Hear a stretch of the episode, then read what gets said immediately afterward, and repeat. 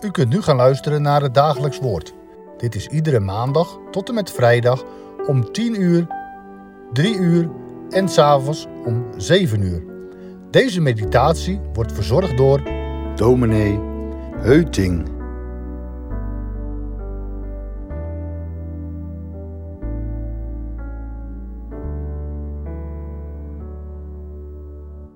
Pasen brengt mensen in beweging. Toen en nu, telkens weer. Het goede bericht dat Jezus is opgestaan wordt doorgegeven. Van boven naar beneden, wereldwijd. De evangelist Johannes vertelt er iets van. Maria Magdalena doet wat de Heer Jezus zegt. We lezen het in hoofdstuk 20 vers 17 en 18. Johannes 20, vers 17 en 18. Jezus zei tegen haar: Houd mij niet vast, want ik ben nog niet opgevaren naar mijn vader, maar ga naar mijn broeders en zeg tegen hen: Ik vaar op naar mijn vader en uw vader, en naar mijn God en uw God. Maria Magdalena ging en berichtte de discipelen dat zij de Heere gezien had en dat hij dit tegen haar gezegd had. Maria zou de Heer Jezus wel willen omhelzen en nooit meer laten gaan. Ik kan mij dit wel voorstellen. Jij niet? Eens was deze Maria ziek. Ze voelde zich voortdurend neerslachtig altijd zag zij alles somber in, totdat, totdat de Heer Jezus haar beter maakte. En nu, met Pasen, ontmoet zij haar weldoener weer. Of beter gezegd, omgekeerd, Jezus treft haar. En hij brengt haar in beweging. Bij het horen van haar naam keert zij zich resoluut om je zult die bekering herkennen, denk ik. Of in ieder geval hoop ik. Want dit is nou de beweging van het geloof. Geloof dat zich uitstrekt naar Jezus, de levende. Maria mag Jezus echter niet tegenhouden en verhinderen om naar zijn vader te gaan. Hiermee zinspeelt de Heer Jezus op hemelvaart, en dan geeft hij Maria de opdracht: Ga naar mijn broeders en zeg tegen hen. Ook merkwaardig dat zij dit moet doen. De eerste verkondiging op Pasen gebeurt door vrouwen. Is het je wel eens opgevallen? In de toenmalige rechtspraak was het getuigenis van vrouwen ongeldig. Maar in het licht van het evangelie doet het ertoe. Nu vertelt Johannes dat Maria de discipelen bericht dat zij de Heere heeft gezien en dat hij dit tegen haar gezegd heeft. Wie de tekst nauwkeurig leest, kan zich afvragen of dit wel de bedoeling van de Heer Jezus is. Maria moest immers iets tegen zijn broeders zeggen. En zijn dat dan de discipelen? In deze betekenis gebruikt Johannes het woord broeder slechts één keer. Dat lezen we in het volgende hoofdstuk. Dan gaat het over het gerucht om Johannes dat onder de broeders rondging. Je mag er zelfs de christelijke gemeente onder verstaan.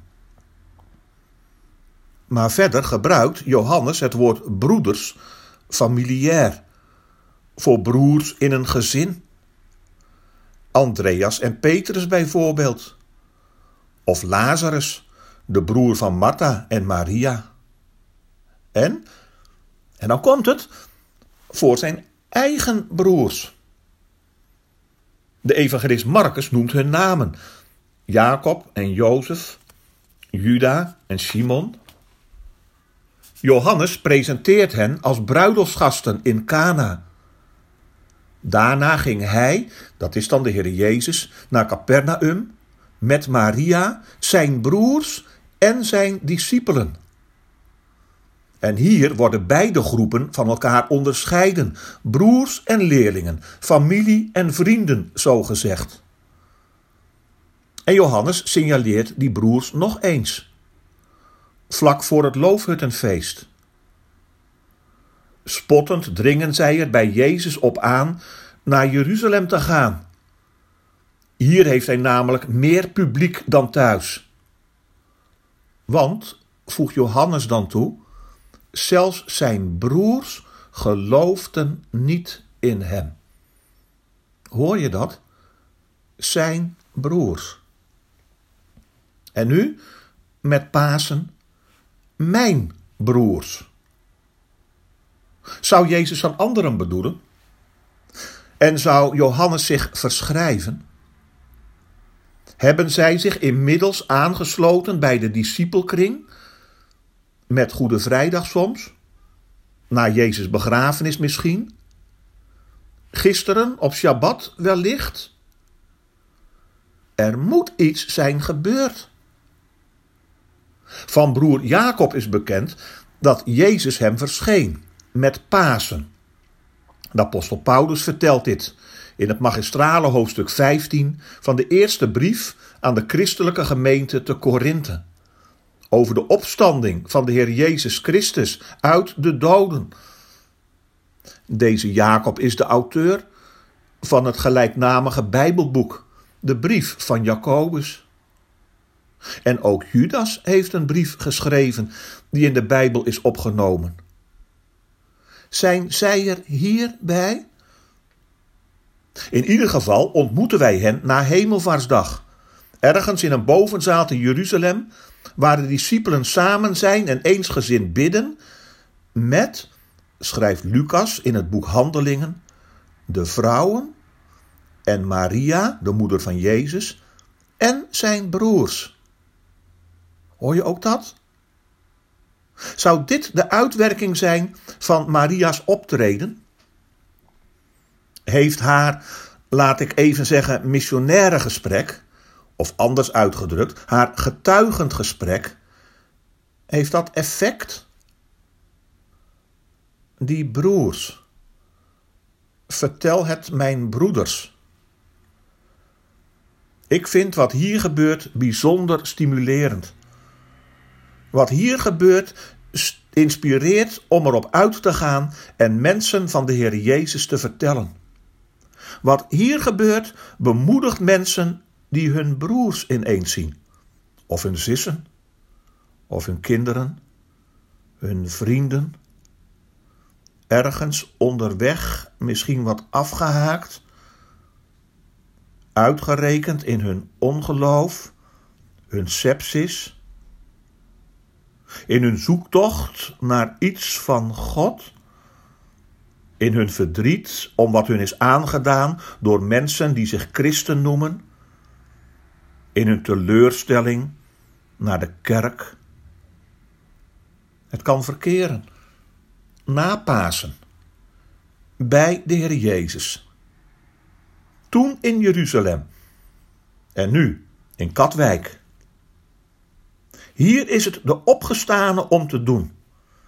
Hij brengt een hele beweging op gang. Zelfs zijn broers laat hij niet los, zusters evenmin. Samen zijn zij kinderen van één vader. En kinderen zingen. Vertel het de mensen dat Jezus leeft. Want iedereen moet weten wie liefde heeft: Jezus. Want iedereen moet weten wie vrede geeft: Jezus. Want iedereen moet weten dat Jezus leeft. Vertel het de mensen. Laten wij bidden. Heere onze God, wat een wonder u geeft, zegen aan het getuigenis van Maria. En door de geest wordt dit gesprek voortgezet, ook onder ons. Wij bidden u om creativiteit, om het getuigenis door te geven en het gesprek gaande te houden. Zo brengt u ons in beweging met Pasen, na Pasen. We horen het de Heer Jezus zeggen.